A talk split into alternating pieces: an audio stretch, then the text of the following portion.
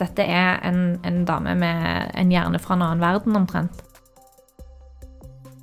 Ok, Vi eh, skal altså snakke om Styles of Radical Will.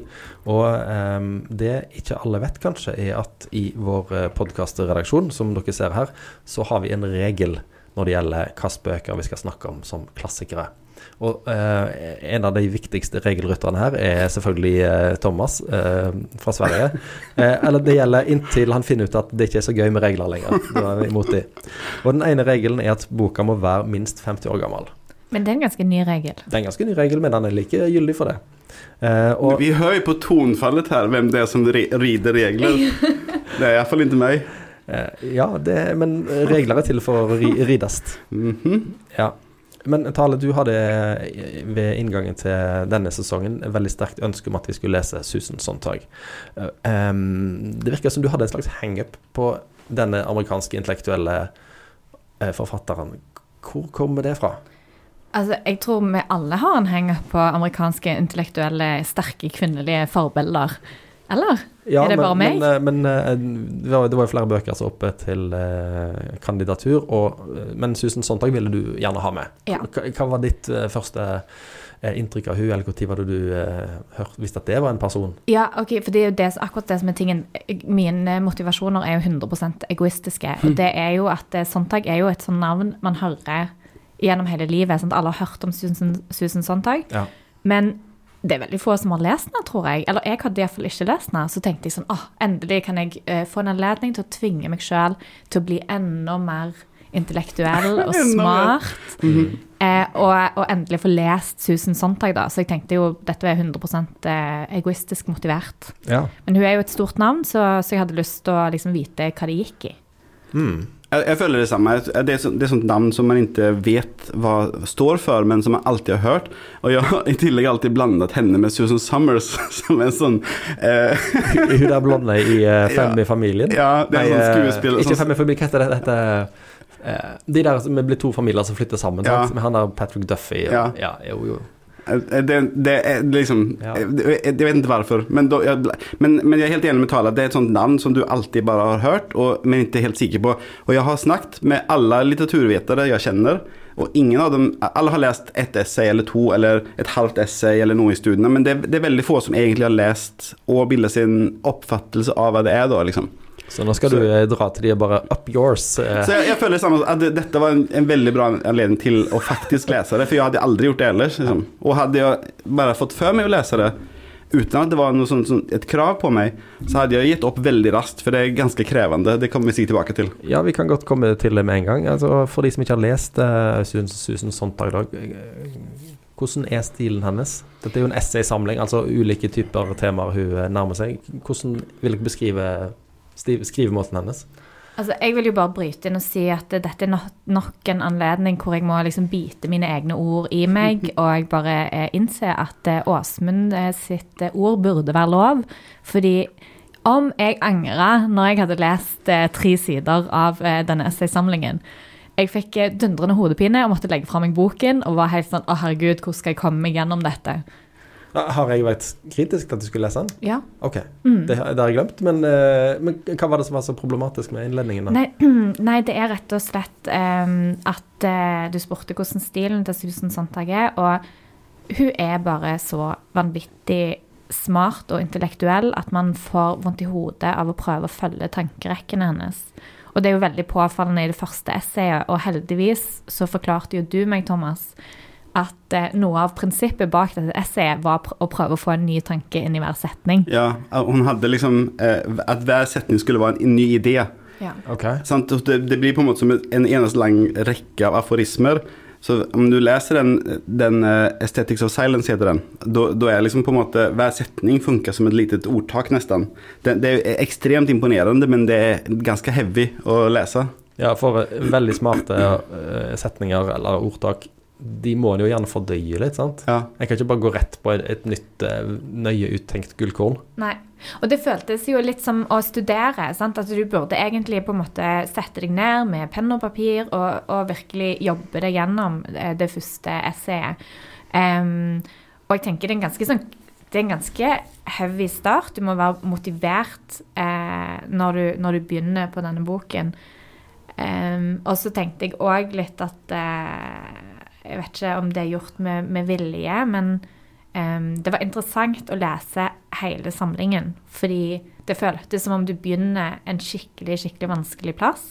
Og så er det bare en, en sommerbris og en lettelse å komme til det siste. Okay. Så, sånn som de der fjellturene som begynner med 1000 meter stigning, Sant? og så Ja. kommer du på et platå hvor, Ja. Mm. hvor du kan bade. Ja, det, det var en god lidning. For, det, den, for den, det, det er en skikkelig sånn brå start. Ja. Virkelig. Du går ut av bilen, sant? har ikke gått tur på et helt år. Går av parkeringsplassen, opp, og så begynner det bare, så skal du klatre i fire og en halv time rett opp. liksom. Ja. Eh, Men, men jeg, har jo ikke egentlig lyst til å skremme folk vekk heller. For det, det, jeg har aldri lest noe lignende, og det er, en, det er en fantastisk utfordring. Og jeg har ledd masse, og, og jeg har lest eh, om Jeg har lest den to ganger. Jeg har lest en gang på lydbok og en gang på, på vanlig. Eh, og det måtte til for meg, følte jeg, liksom for å, for å liksom, egentlig skjønner hva hun sier. Fordi eh, jeg er ganske flink på engelsk, men jeg måtte slå opp mange ord. For hun, hun har jo en tendens til å bruke Hun skriver lange, kompliserte setninger og bruker ord som, som elucidate og ineffable, som jeg ikke vet hva betyr. Så jeg liksom Ja. Men jeg tenker noe av det viktigste lærdommen for meg da, er jo å, å huske på at det er en essaysamling. Fordi em, jeg er litt sånn at når jeg leser en bok, så tenker jeg sånn nå, nå- skal jeg lese den boken, så leser jeg den fra perm til perm, og jeg har ikke gjort en god jobb hvis jeg ikke har lest hele boken. Men jeg tror man må angripe eh, sånne samlinger på en annen måte, og at det er helt OK å eh, lese kun et essay, og at det faktisk òg antageligvis er mye lurere. Eh, at man ikke trenger nødvendigvis å lese hele samlingen. Eh, fordi den spenner jo over ganske mange tema. Ja. Det, det er derfor vi har tatt med eh, masse forskjellige bøker her. Fordi at eh, mange av de essayene som er med i samlingen vi har lest, fins utgitt separat. da, På Ja. både norsk og engelsk. Og det, det følte jeg var en av de største tingen med boken. da, At det, at det er så utrolig uovergripelig. At eh, hun sier til seg selv at hun, hun, er, hun er ekstremt interessert av ekstremt mange forskjellige ting. Og hun ligner det ved å ha veldig mange barn på en gang, og hun må passe på alle barna samtidig. Så jeg så for meg sånn du er sånn uh, whack-a-mole, du vet at du må slå At det, sånne små dyr hopper opp i små hull, og så må du slå dem på hodet. Sånn, sånn har hun det i sitt hode hele tiden, for hun har så mange ekstremt involverte interesser. Og så, og så kan hun ikke skrive om det før hun kan tilføre noe, for hun har jo så ekstremt høye krav til seg selv. Så, så når hun der skriver noe, så har hun tenkt på det kanskje i mange år og har kommet fram til slutninger og kan trekke fram noe nytt. Liksom. Gjerne slakte noen på veien, det liker hun. Men at hun har liksom altfor mange unger som hun må holde styr på. Det er sånn hun sammenligner seg og, sine ideer. Da. Og det er jo tydelig at, at hun, kan, hun kan alt. Hun, hun, hun skriver jo om, om film, hun skriver om Vietnamkrigen, hun skriver om kunst. Hun skriver om egentlig bare, bare denne samlingen. Sant? Um, så det, det er bare eh, Det vi snakket om litt på forhånd, var jo at eh, noen av essayene handler om film, og da tenkte vi at om du er veldig interessert i film, så vil det være en veldig kjekk lesning for deg. Men om du ikke er så interessert, så kan det være at du ikke finner like mye fornøyelse i det. da. Ja, for jeg- sånn som jeg har skjønt det, så var jo Sandtag en av de som løfta fram film som en likeverdig kunstform på høyde med, med litteratur og billedkunst, f.eks. på, på 60-tallet. I dag så er det jo lett å tenke at film alltid har vært like vel ansett som de eldre film, eller de eldre kunstartene, men at, hun var en pioner innen det, da. Og en av de interessante tingene hun sier, syns jeg, er at eh, For hun, hun snakker liksom mye om film eh, overlag, og så er et eget eh, en, altså Som handler om film som konsept, da. Og da snakker de mye om hvordan stumfilmen var, og at når, når film med lyd kom, så ble det så dårlig kvalitet på det, liksom. Eh, og at det har begynt å komme bedre filmer i de siste årtiene, da. Ja. Og en av de gøyeste tingene å lese er jo at er jo hun, eh, det, finnes, det er veldig in, eh, eh, interessant at et helt essay er via en film av Bergman. Eh, for det, liksom, det er jo En essay handler om Vietnamkrigen, et handler om pornografi, store emner. Liksom, og så er en, et essay handler om en film av Bergman. Og hun begynner det essayet med å slakte Bergman fullstendig etter, etter anklene. Og så er det sånn eh, Bergman is prone to embarrassing displays of intellectual bad taste. From the Fellini of the North, exacting filmgoers could hardly be blamed for not expecting ever a truly great film. Så hun bare Ok, Bergman er ingenting. Sant? Og så etterpå bygger hun opp denne filmen. For han, det- denne filmen liker hun veldig godt. Og, det er, film er dette? det er, det er um, Persona. eh, Persona. Ja. Ja. Det glemte jeg å si. Ja. Så det, det er og så er det en film tidligere som han har lagd som hun også syns er helt ok, men, eh, men Persona. Eh, og da går hun over til Først forteller hun hvor bra den er, og så forteller hun hvor drit hele kritikerstanden i USA er. Så, så liksom Som ikke har forstått filmen, da, og at Bergman er utydelig med vilje og ikke, ikke forteller hvordan man skal tolke filmen. Det gjør han med vilje. Det, det, det er ikke en vanlig fortelling. Det er liksom, du må tenke litt, liksom. ja, jeg forstår. Men, eh, men jeg syns jo det er jo òg en fin illustrasjon på at hun er ganske morsom, fordi at hun er så utrolig bastant. Eh, og det, det er litt sånn uventa. Jeg, jeg, jeg satt nesten med sånn åpen munn når jeg leste den passasjen om Bergman. fordi at det, det var veldig uventa og, og morsomt å, å høre en så, en så krass kritikk av noen som egentlig er genierklært. da. Um, men jeg syns òg at det, særlig det du sa, eller det, det du nevnte nå, Åsmund, om eh, hvordan du snakker om film. For og, hun snakker òg i denne essaysamlingen på samme måte om pornografi. Og det syns jeg for min del var noe av kanskje det viktigste å ta ut av særlig det essayet, da, at eh, uansett hva kunstform det er snakk om, så er det verdt å diskutere. Altså, det handler ikke om på en måte mediet, det handler om kvaliteten av verket. Og det syns jeg er, er noe som er, alltid er verdt å ta med seg når man snakker om kunst eller om litteratur. Eh, at, at, det, ja, at det er kvaliteten det handler om. Eh, og at man ikke må være, altså, unnlate å snakke om noe fordi det er ubehagelig. Mm. Men eh, det er jo gått eh, 55 år eller noe sånt siden disse essayene ble skrevet. Og eh, mange av disse emnene har jo eh, forandra seg enormt på den tida, så godt, ikke minst pornografi. Altså, hvor mange av disse essayene er det som eh, på en måte snakker tvers gjennom de tiårene som er gått, hvor du ennå tenker at wow, ja, dette er jo sant ennå, og hvor og, Eller er det passasjer hvor en tenker at dette slår ikke like hardt i 2023 som i 1966? Altså, for det vil jeg si at når hun skriver om, om pornografi, og det er jo et veldig, veldig langt essay, men det hun skriver om er jo egentlig to bøker. Eh, det er jo ikke pornografi sånn som vi ser på det. Og, og hun, hun snakker om pornografi som kunstform, eh, på en måte. Så eh, eh, det blir mange av de måtene hun snakker om emnen på, gjør at det føles gammelt. Men man blir likevel helt sånn slått i bakken av hvor sinnssykt reflekterad og smart hun er. Og de essayene som handler om USA som nasjon, og det som Din favoritt, kanskje den når hun reiser til Vietnam, er jo aktuelt for alltid, føles det som. For de, ja. Ja, så mener jeg også at Selv om hun på en måte er dette essayet om pornografi forelda fordi det har skjedd så mye eh, med mediene siden den tiden, men samtidig så er jo prinsippene som jeg snakket om, de samme. Sant? At man kan ikke avfeie en kunstform pga. media eller pga. Eh, av at man ikke liker tematikken. Så det syns jeg jo er styrken i alle hennes essay. At det er alltid en sånn grunntanke som det går an å trekke videre til eh, nye medier, til nye generasjoner. Og så er hun sånn som vi snakket om på forhånd, at uh, hun er uh, ekstremt ærlig og skjuler seg ikke og sier ting som er, alle skjønner at dette er ikke lett å si.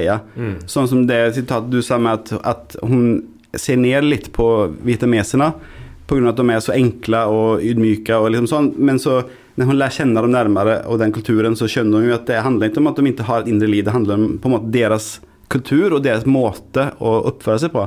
Men at hun skriver det, og så selv om hun egentlig har forstått etterpå at hun hadde feil, så, så publiserer hun det. Og Det er veldig modig og selvutleverende, og det er veldig sympatisk, syns jeg. For hun er jo også ekstremt arrogant. Og det kan tenke meg derfor koster det henne ekstra mye å gjøre sånn. Ja, når jeg har googla litt uh, Susan Sontag i det siste, så slår det meg at det er fortsatt mange som har eh, mye engasjement rundt henne. Altså du, At hun fortsatt er et navn som kan vekke eh, irritasjon, raseri. Eh, folk blir provosert av det hun skrev eller sto for en gang i tida. Meningene hennes, er de så på tvers av eh, den gjengse oppfatning av ting, eller er det, er det den der veldig direkte stilen som gjør at folk blir liksom sånn eh, hissige av å, å være i nærheten av stoffet hennes? Jeg tenker det er den direkte stilen, men altså en kombinasjon særlig Når hun skrev altså Dette er jo på slutten av 60-tallet, som Thomas sa, så eh, er jo særlig hennes holdninger til det amerikanske samfunnet veldig på tvers av det som er normalen. Eh, så hun står jo for en opposisjon, og det tror jeg er på en måte en, en holdning som fremdeles vil provosere mange i hennes hjemland. Men eh, jeg tenker òg tilbake til den, det partiet i, i essayet om personer av, eh, av Bergman, den filmen, når hun bare totalt slakter denne mannen.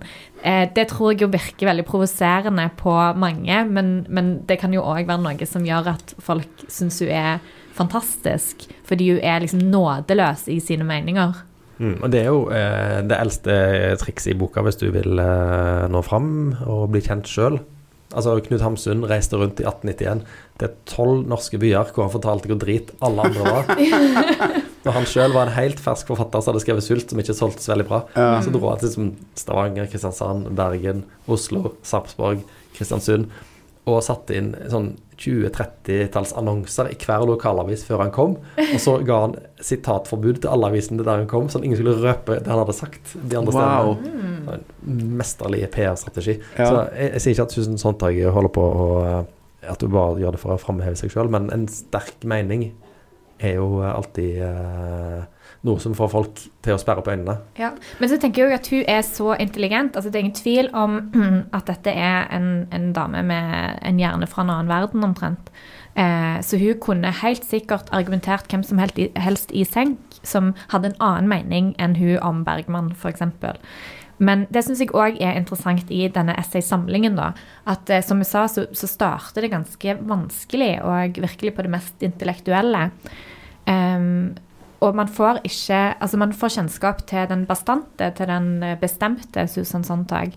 Men det syns jeg jo òg er noe av grunnen til at eh, eh, 'Reise til Hanoi' som essay som handler om Vietnamkrigen, er så eh, føles som en lettelse. Og det, det er jo helt absurd å si at å, å lese om Vietnamkrigen er bare føles helt deilig i forhold til å lese om eh, kunst og stillhet.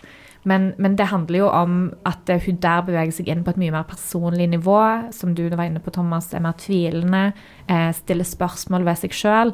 Så der virker hun som en, på en måte en, en mer ekte person. Og det ble jo nesten litt sånn virkelighetslitteratur. Og ja, en føler en blir kjent med henne. Mm. Ja, for det er jo uh, Essay har vi jo lært på skolen, er jo en, en sjanger hvor en skal liksom prøve ut synspunkter. En vet ikke helt hvor en skal. En skal ta leseren med på en slags reise eh, underveis. Men sånn som du sier, og sånn som jeg har lest, så mener mange at stilen hennes har egentlig ganske lite sånn ironi, ganske lite humor. At det er veldig sånn rett på. Så sånn sett er det jo litt utypisk for essaysjangeren, kanskje. Det høres mer ut som en leserbrev med en klar agenda, det, det hun har skrevet. Ja, ja, det er jo så, altså men om, det beror jo på litt hur man leser det, For om man blir fornærmet av det på en måte. Men man kan ju läsa det sånn at sånn som det sier man jo bare ikke, sant? Og det er morsomt at hun gjør det likevel. Og når hun skrev den essay til Bergman så var han jo en av verdens mest feirede regissører. Og hun var også ganske berømt. Liksom det, det, jeg leste om henne så var det sånn at når hun kom, skulle leie en bil på en bensinstasjon, så visste personen som leide bil til henne hvem hun var. Bare på grund av hennes personer liksom. Men jeg tenkte på det når vi snakket om hvorfor folk reagerer sånn. Så skrev hun jo et essay i 66 som hette What's happening in America og så begynner det sånn eh, eh, Den skriver sånn Today's America will Ronald Reagan, the new daddy of California. og bare den setningen er morsom. Liksom. Og så fortsetter hun And John Wayne chewing spare ribs in the White House. It's pretty much the same Yahoo land. Og så kommer hun videre der hun sier at men før i tiden så var det bare, eh, sån da at det var bare tre miljoner indianere som blev ramma av oss. Men nå er det hele verden som blir ramma av vår kultur med søppel og TV og dårlig mat og sånn. Ja. Og det er jo på en måte Sånn snakker man jo ikke om USA, og særlig ikke da. Og på den tiden så var jo USA en positiv eh, ting i verden, følte mange. Det var veldig imponerende av USA. Og hun gjorde også det samme etter eh, em, 9-11, hva, heter, hva kaller vi det? 11. september, Ja, eh, takk. angrepene. Ja. At hun så skrev hun bare eh, en uke etterpå så skrev hun et, eh, essay i en stor norsk eller amerikansk avis der hun liksom på en måte ikke forsvarte dem, men sa se hva vi gjør, da. Liksom. Og de her terroristene de er i ikke fall Og fega. Och vi, vi, er, vi er, ikke noe å se opp til til hva vi gjør, på en måte. Mm. Och hun må jo vite at det vil bli kontroversielt, men samtidig så kan hun backe det og det er det som er så kult, liksom. Så vi diskuterte litt på om hun egentlig var modig eller ikke, for jeg føler hun er bare sinnssykt, eh, Hun er så, det kommer ikke jeg på rett ord, men det er nesten som at for å være modig så må du først være redd, men det virker som hun er så sinnssykt uredd at eh, hun bare men det, dette er sannheten og det skal fram liksom. Sånn, sånn verkar det som hun har det. Ja, men er hun eh, litt hard i klypa? Altså, er, har hun noen eksempler på eh, andre imperier eller store land som har eh, fart fram på en bedre måte, da? Altså, det, når hun sier den mest berømte setningen hennes som er Uh, The white race is the cancer of human history. altså eh, Det er jo ikke sånn at alt andre folkeslag som har erobra, har gjort det med med et klapp på kinnet. The Mongol Hordes liksom. Ja. nej, det er helt sant. Eh, ja. Men, men eh, de finnes ikke lenger. Det var liksom 600 år siden de forsvant. Så, nå er är det USA, så da er det de man tar. Man må jo Mm. ta de som er oppe nå, føler jeg. Ja. Altså, og så, hon skriver sånn USA er grunnlagt på folkemord. Ja. Det, det er sånn begynner et stykke. Og det er jo sant. Eh, og, men det er jo hardt å høre. Og så skriver han også at eh, för hon, det folk hoppas att det ska bli bättre. Men så skriver hon sånn att eh, eh, this is a passionately racist country. It will continue to be so in the foreseeable future. Ja. Den ble skrevet på 60-tallet, og det, det, Det stemmer jo. Det stemmer Ja. jo kanskje ikke så sterkt som på 60-tallet, men det er vel få som vil protestere hardnakka på det. Men en annen ting som også, som, som hun skrev da, og som ändå stemmer, er ehm, The unquenchable American moralism and the American faith in violence constitute a national psychosis. Og de, det jo sånne ting, den, det vapenromantikken som är som egentlig ødelegger hele USA eh, fordi at de ikke kan bli enige om det. Ja. Og det, er jo, det bekrefter jo på en måte gyldigheten fremdeles av mye av det hun skriver, da, selv om det er ganske ekstreme holdninger. Hun sparker alltid oppover.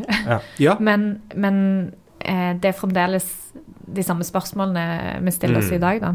Så, Ja. Så egentlig så har vi snakket oss tilbake i at vi, vi har egentlig snakket oss inn på at det er aktuelt. For vi begynte med at det føltes umodernt, men Ja. nå har vi egentlig kommet fram til igjen at det Men- Unnskyld, jeg avbrøt deg egentlig. med sånn, sånn stykke sånn som det der What's Happening in America, det er vel et uh, stykke som gjør at hun vil ha evig relevans. For det vil alltid være noen uh, samlinger av tre personer som har lest det, som vil sitte og sitere det der eh, The white uh, race is the cancer of humanity Ja. eh, til hverandre. Og da, så lenge det oppleves relevant, så vil Susan Sontag være relevant. Men, jeg, uh, men mm. mer personlig så syns jeg jo òg at eh, Noe som var overraskende for meg, at denne essaysamlingen på en måte oppfordrer og motiverer til videre dannelse.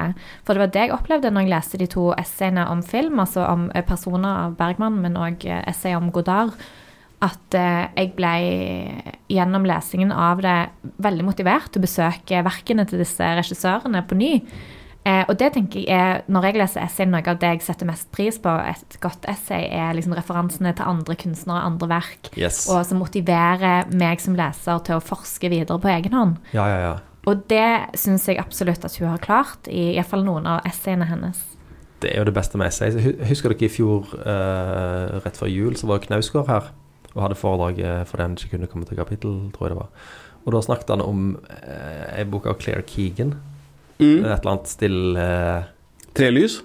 Ikke den eieren, men noe stillhet. Small things like these. For small things like this. Ja, Ja. han nevnte den. Og idet han hadde gjort det, så kunne du liksom se på bibliotekappen at den ble reservert i store bøtter av spann. ja. Ja. Og det er jo sånn det skal være, at um, gode kunstnere de eh, peker videre til andre kunstnere. De står ikke bare og peker på seg sjøl, men de peker lyset utover. Mm. Og der må jeg jo si at jeg syns at hun, hun viser et, eh, et um, syn på kunst i det essayet om Godard som er veldig vakkert i mine øyne, da. Som at egentlig handler om at kunsten skal åpne verden for Mm. oss. Mm. Og så er hun sånn med et uttalt formål at hun skriver for å få eh, skape handling.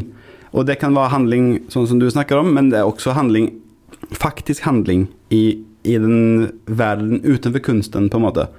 Og da har hun sagt selv om den eh, A Trip to Hanoi At det var første gangen hun følte selv at hun hadde klart å bruke sine holdninger og meninger og følelser eh, i en tekst. Eh, så eh, hun, hun, var selv veldig fornøyd med akkurat den teksten, pga. at hun følte at hun endelig hadde fått det til og liksom hadde endra sin egen holdning, på en måte.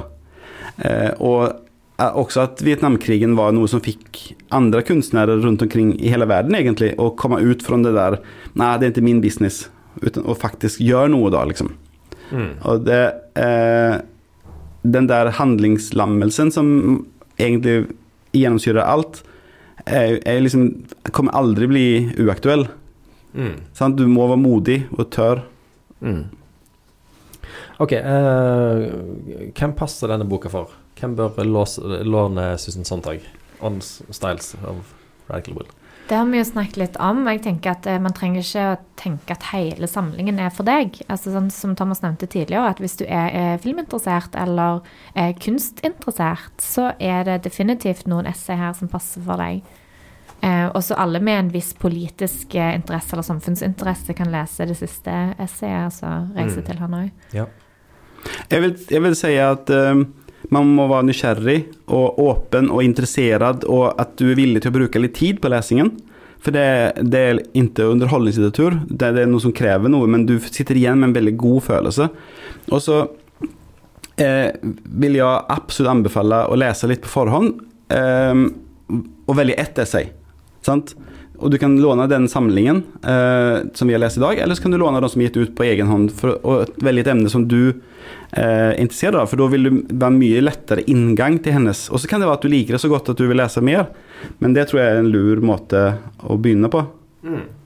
Er det noen forfattere som minner om eh, Susan Sontag, som dere kom på? Som dere har lest eller hørt om, som tenkte at ja vi, vi eh, har begge kommet fram til at, det, at det, det, er ingenting som ligner helt, men, men det, det finnes en engelsk filosof som heter Iris Murdoch, som kanskje som snakker om samme ting. Altså, hun er jo veldig hun, altså, Det som driver henne, som jeg leser henne iallfall, er moral, på en måte. At dette er feil, dette er rett. Og hun vil oppfordre til handling hos seg selv og andre eh, med det hun skriver. Eh, altså hun er dreven av eh, en slags indre motor, da. Mm. Eh, og det er sånn Iris Murdoch også eh, eh, hva, altså moral, hva som, er, hva som er akseptabelt, hva ikke, og sånn. Så men jeg har ikke lest Iris Murdoch selv, så jeg vet ikke om hun de er stilmessig. Men jeg tipper at det ikke finnes så mange som skriver på en så tett måte som, eh, som Susanne Sontag gjør. Men det, det, det, det er rett det, det, er fantastisk, liksom. Mm. Ja. Ok, da har vi snakket oss gjennom uh, Susan Sontags uh, 'Styles of Radical Will'. Og uh, den kan du selvfølgelig låne på Sølvberget, akkurat som en haug med andre Sontag-bøker. Men jeg har et siste spørsmål til deg, Thomas. fordi at Et spørsmål du stilte oss, men på forhånd, var jo eh, 'Styles of Radical Will'. Ja, det er navnet. What? What? What, what det er et veldig pretensiøst navn. Ja. Eh, altså, jeg, jeg brukte sikkert halve dagen i går på å forsøke å finne ut hva det betyr. Ja, Hvis noen syns at skattepengene blir eh, ille brukt i Norge, så eh, skal vi ikke gi dem dette eksempelet. nei, klipp uh, så så uh, fant jeg ikke ut noe, så jeg tenkte at jeg skulle sende en e-post til Kaja Kjerve Mollerin, som oh, har skrevet uh, Som har skrevet en Men jeg ikke gjort det. Okay. Fordi at hun har skrevet en biografi, som er den første norske biografien om Susan Sontag. Og den er kjempekjekk å lese. Den er veldig lettlest, veldig smart. Eh, og du får en innføring i henne som person som er superinteressant. og Det, det er noe som man kan lese på en, en helt annen måte. Liksom. Hun har med vilje gjort det veldig tilgjengelig. da. Ja. Så da vil vi oppfordre alle våre lyttere til å sende mail til Kaja Skjermen Malerin og spørre om den tittelen på essaysamlingen til Susan Sontag. Og så lånte jeg en annen eh, biografi om Susan Sontag som heter Sontag, og den er skrevet av Benjamin Maaser.